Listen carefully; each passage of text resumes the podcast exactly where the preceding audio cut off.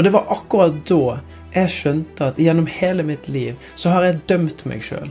Jeg har hatt en indre dialog. Jeg har hatt et språk som har sagt 'nei, det ligger ikke for meg'. 'Nei, det der kommer jeg aldri til å få til'. 'Nei, han er mye bedre enn meg i det, så det er ikke vits i å prøve'. Og akkurat i det øyeblikket så skjønte jeg at hvis jeg lager nye strategier, hvis jeg finner måter å trene på, hvis jeg aksepterer at jeg kommer til å mislykkes mer enn jeg lykkes, og at det å stå i ting som er vondt og vanskelig, og ikke få det til, er en del av reisen, så kan det bli bedre. Det er veldig mange i vårt miljø som har kjent til mindset lenge. Men utfordringen er at det er liksom som en godt bevart hemmelighet. Alle, alle de andre, alle fotballtrenerne, alle foreldrene, alle onkler og tantene, de har ikke hørt om det. Og så har jeg lurt på om det er fordi at vi har hentet innsikten og inspirasjonen vår fra alle disse ulike kildene, alle disse gode forskerne og forfatterne rundt om i verden. Og så kjente jeg bare at hvis jeg skal legge fra meg noe, så er det faktisk det. At tankene våre de er skapt gjennom opplevelser og tilbakemeldinger og omgivelser. Og Noen ganger så gir de oss en fordel, og noen ganger så sparker de bein på oss. Og så er poenget at hvis det er lært, så kan det læres om. Og det er den boken her skal være. Hjertelig velkommen til 10 minutt med Tim Rudi og Marius. Dette er podkasten hvor du på ti minutter får inspirasjon, kunnskap og konkrete tips til hvordan du kan ta action mot det som betyr noe for deg i din hverdag.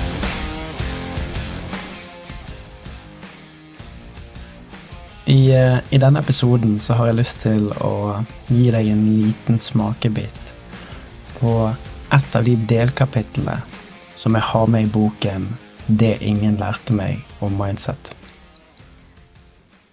Min egen erfaring er at uh, hvordan vi ser på problemene som ligger foran oss, hvordan vi opplever de på innsiden av kroppen, hvilket perspektiv vi velger å ta, ofte påvirker hvordan vi opplever det når vi står overfor noe som er vanskelig.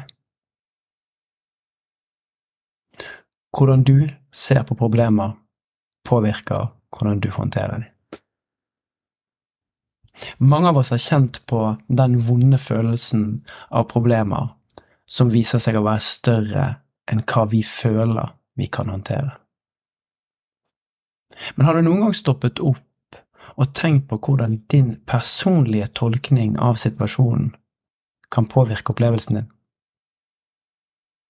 Har du noen gang vurdert at det er din tolkning av problemet som faktisk forsterker følelsen av smerte og stress? Hvis du tar et øyeblikk og reflekterer, så vil du innse at et problem som virker uoverkommelig for deg, kan være en bagatell for en annen. Hvorfor er det sånn? Fordi den personen som ser på situasjonen som en bagatell, en gang sto overfor det samme problemet, men tok utfordringen på strak arm og vokste i prosessen. Erfaringen formet vedkommende. Størrelsen på problemene vi står overfor, reflekterer ofte størrelsen på vår egen karakter.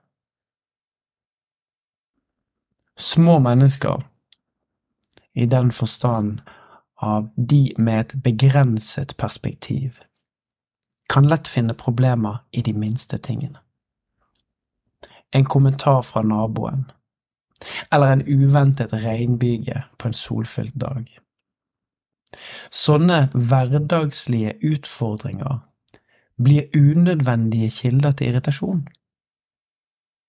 Men store mennesker, de som har en visjon, et mål, og er koblet til et dypere formål, søker løsninger på store problemer.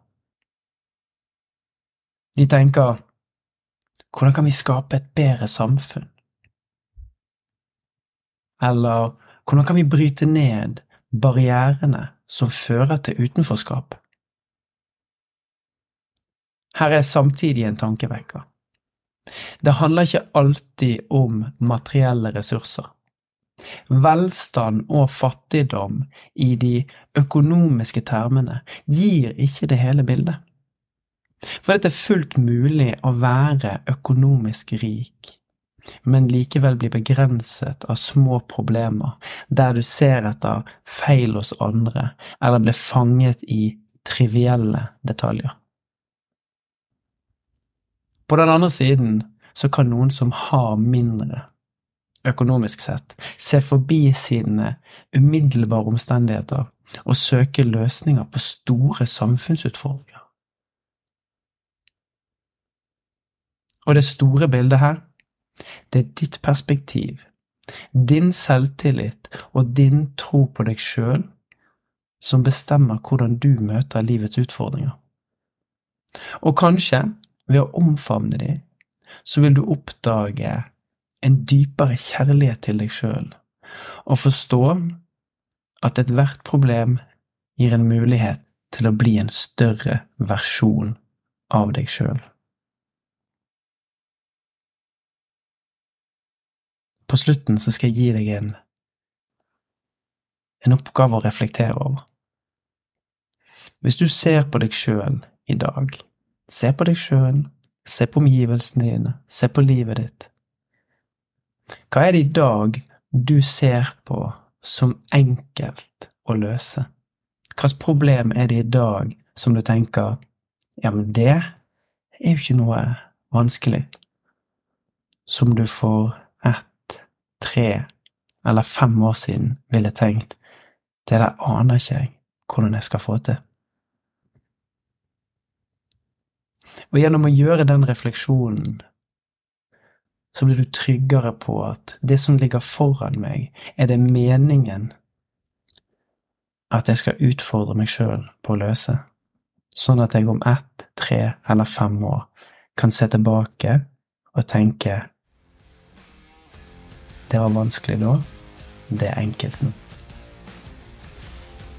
Og det jeg gleder meg skikkelig til, det er jo at like etter at boken kommer ut, så skal jeg få lov til å, å ta med den og så ut i Heart Mentality Community, og så faktisk trene på disse ferdighetene.